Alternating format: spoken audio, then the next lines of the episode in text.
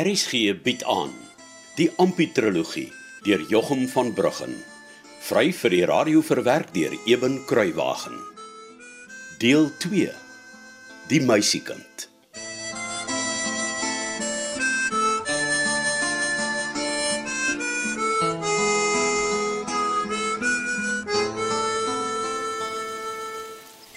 Nou jy regtig na my verlang dat jy hier langs die pad vir my gewag het. Voel as iets wat jy nie vir my sê nie. Jy's reg, Ampie. Kom ons gaan na ons plekkie in die dekgras. Daar's baie wat ek vir jou moet sê. Ja. Jy maak my bietjie bekommerd, Annetjie. Wag eers tot jy hoor wat ek vir jou gaan sê, Ampie.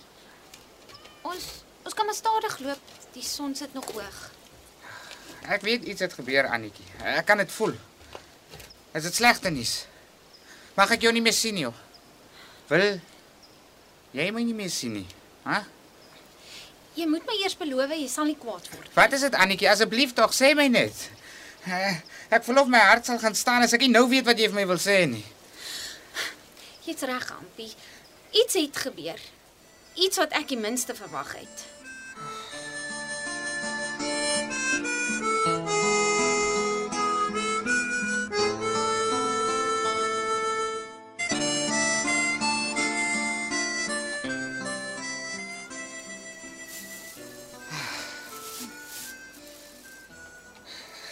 Gebeur, Annetjie?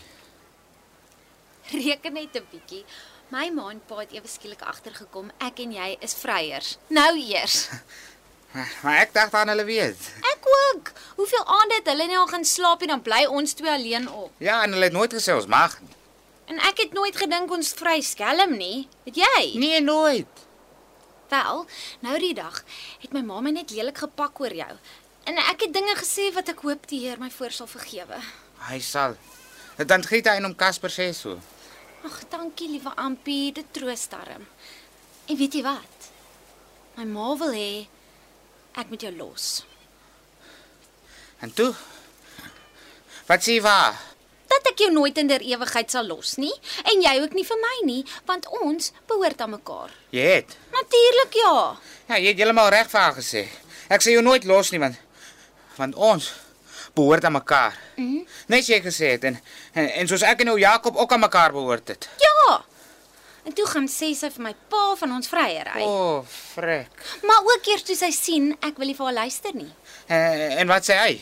Wel, vanmôre kook ek nog die ketel. Toe kom sit hy by my voor die S. Ja? Hy, ek was skoon benoud want ek weet ek kan nie met my pa stry soos met my ma nie. Ha, en toe? Toe vat hy ewe liefies aan my arm en sê: "My kind." So. Hy was nie kwaad nie. Nee, nie eers 'n bietjie nie. Maar hy praat mos nooit so met ons nie. Hy's altyd kwaai en streng en als moet net oor en uit die Bybel wees. Ja, so is jou pa. Ek was skoon lus en huil. My pa het nog nooit so mooi met my gepraat nie. My pa ookie. En toe? Toe wil my pa weet of ons lief is vir mekaar. Ja, en toe wat sê jy vir hom? Raai. Dat ons dat ek en jy lief is vir mekaar. Ja, natuurlik. Maar maar dis mos goed, is dit nie? Ja, Hoekom klink jy dan nou nie so seker nie? want toe sê my pa, maar luister nou mooi vir my. Soos ou Jakob vir jou geluister het. Luister jy? Natuurlik Annetjie. Sê nou vir my wat jou pa toe sê. Jy mag nie kwaad word nie, gehoor? Nee, ek sal nie. Ek dink nee. Ek glo dis dit werd vir hoe ons oor mekaar voel. En ek dink vir jou is dit ook die beste. Sê net vir duiwels. Sê net, die lang gewag vreet my binnegoed heeltemal op. Asseblief Annetjie. My pa het gesê jy moet met die komende nagmaal saam met my gaan vir die aanneme en 'n lidmaat word. Anders is jy my kwyt. Ek sweer, dis wat my pa gesê het vanmôre. Maar ek probeer mos verdom. Ek probeer en probeer en, en jy het gesê jy sal my help. Maar jy hou nie op om vir my my keel te laat afdruk dat ek moet gaan vir aanneme en en die ouers vra ding nie. Jy en tant Grieta en nou jou pa ook. Ek kan al verg daarvan. Ampie, jy het flis gesê jy sal nie kwaad word nie, onthou? Ja, maar maar vir wat neek julle aan mekaar daaroor, hè? Wat Ek het vir jou beloof ek sal dit doen. beteken my beloof dan vir jou niks nie. Dit beteken vir my alles, Ampie, alles. Jy moet my glo. Hoekom is jy dan nou so hartseer? Dan sal mos nie vir my hoop wees nie. Ek het my al opgeleer, maar ek kry nie goeders nie in my kop nie. Maar ek het jou beloof ek sal jou help, veral nou. Hier is al wat ek in die lewe het, Annetjie. Jou pa mag jou nie van my wegvat nie.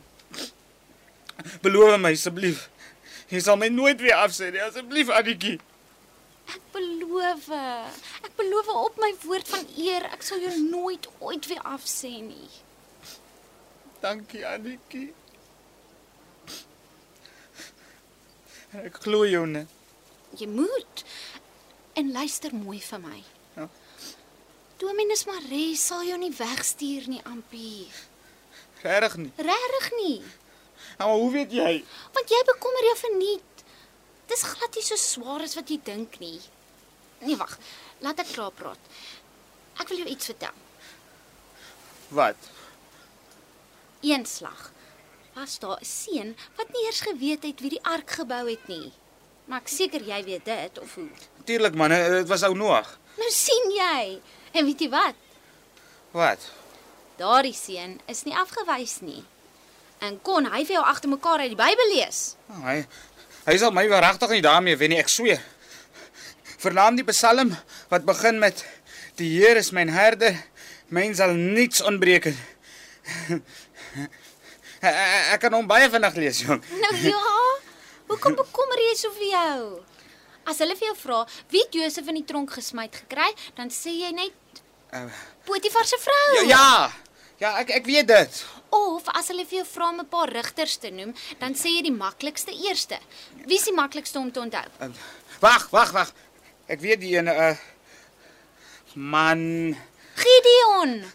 En die, die sterk ou. Ah, Samson. Ah. Ja. Ja, ag, ek het net bietjie vergeet van ou Gideon. Daar, daar sien jy nou self, dit is nie so moeilik as wat jy dink nie. Ja, maar as ek by jou is, ken ek alles. Maar, maar as ek alleen is, oh, raak ek bang en, en dan vergeet ek alles. Onthou net. Ek sal ook daar wees tussen al die ander. En as jy bang raak, kyk net vir my. Dan sal jy weet ek is by jou en jy hoef niks bang te wees nie. Dankie my liefste Annetjie. Nou toe. Kry ek dan nie 'n soenie?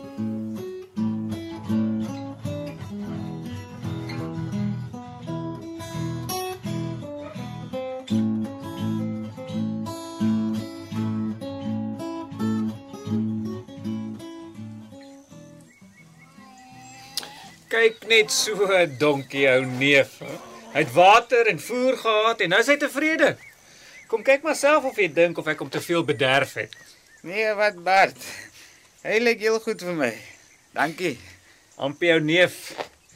Ek wil jou darm net 'n ding sê vanmiddag, hè. O, oh, en wat's dit?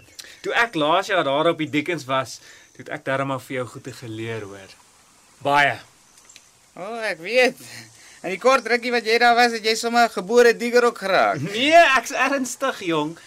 Ek het baie goeders opgetel daar wat 'n man moet hê as hy wil proppers dik, jy weet.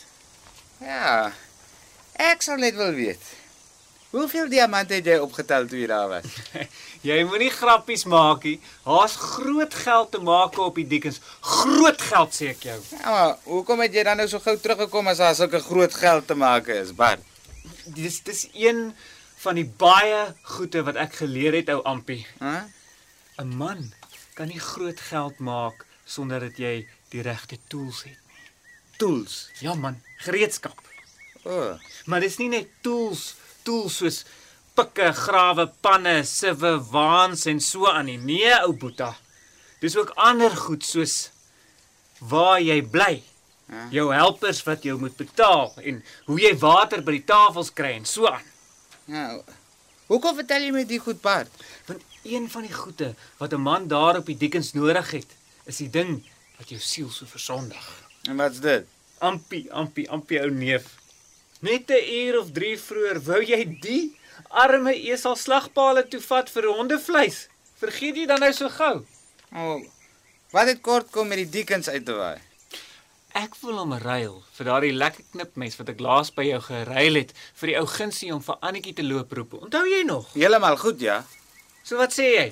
Jou gevrekte ou donk ek, kort kom vir 'n goeie knipmes. Bart, ek reël kort kom vir niks. Ek het jou mos gesê was 'n persent. Ja, goed, goed, goed. Ek ek hoor jou, ou neef en ek verstaan hoekom jy nie die gevrekte ou donkie wil ruil nie, glo my. So. As jy hom nie wil verruil nie, hoekom gaan jy nie diekens toe met hom nie? Om te wat? Jong, ou Ampie, daar's donkies soos hare op 'n hond se rug op die diekens. Jy moet sien. Daar's allerlei donkies. Enige soort wat jy aan kan dink, sien jy op die diekens. Behalwe flikse donkies. Hulle aard nie daardie. Hulle vrek uit van waterwaans trek. Ek sien. Man, dis vir jou 'n jolly lewe daar op die diekens. Jy sal lekker daar kan werk, veral as jy jou eie donkie het. Ja. Kom ons stap maar terug huis toe. Dit raak nou al donk.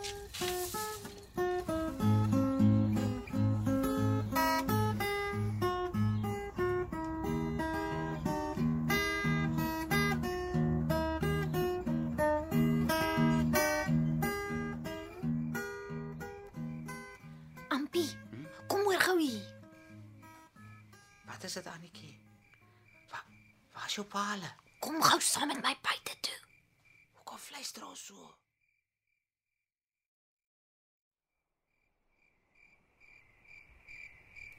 Ek wil nie hê my maale of Bart moet ons hoor nie. Ek moet net gou iets vir jou sê. Wat? Jy moenie dat Bart jou gat in die kop praat nie, hoor? Hoekom? Wat wil hy vir my sê? Hy loop nou alweer met die simpel delwery storie rond. O, oh, dit. Ag nee, wat? Hy het al klaar probeer om 'n kort kom te ruil vir 'n ou knipmes. Oh, die ou skelm. Ek hoop nie jy het jou laat ompraat nie. O oh, nee, ah, ah, nie vir my nie. Toe hy begin met sy Dickens stories, toe sê ek net vir hom, nee wat, nee wat, ou Bart, ou Bart. Die Dickens is nie vir my nie. Ek het nou 'n goeie tyd met Annetjie en hom Casper hulle wat vir my wag. Net so het ek vir hom gesê. Sjoe. Blys ek nou. Ek was so bekommerd dat hy jou al sy ou slim stories sou laat glo. Nee, wat? Hy sal my nie gou weer vang nie. Maar Maar waar is jou maale dan? En Bart? O, hulle is daar voor om die huis iewers. My pa wil glo alleen met hulle praat. En Waaroor weet jy? Ek dink hy vertel nou vir hulle om hulle self te gedra vanaand. Hoekom is dit nodig dat hy dit vanaand skielik vir hulle moet sê?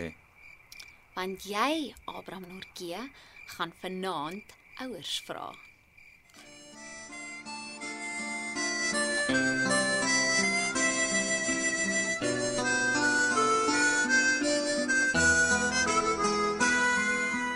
Dit was Ampie, die meisiekind, deur Jochum van Bruggen. Die spelers die week was Ampi de Klerk Olofse, Annetjie Elanza Swart, Grita Susan Beyers, Casper Johan Nel, Tuis Johan Esterhuizen, Bart Karel Nel en Annie Marion Holm.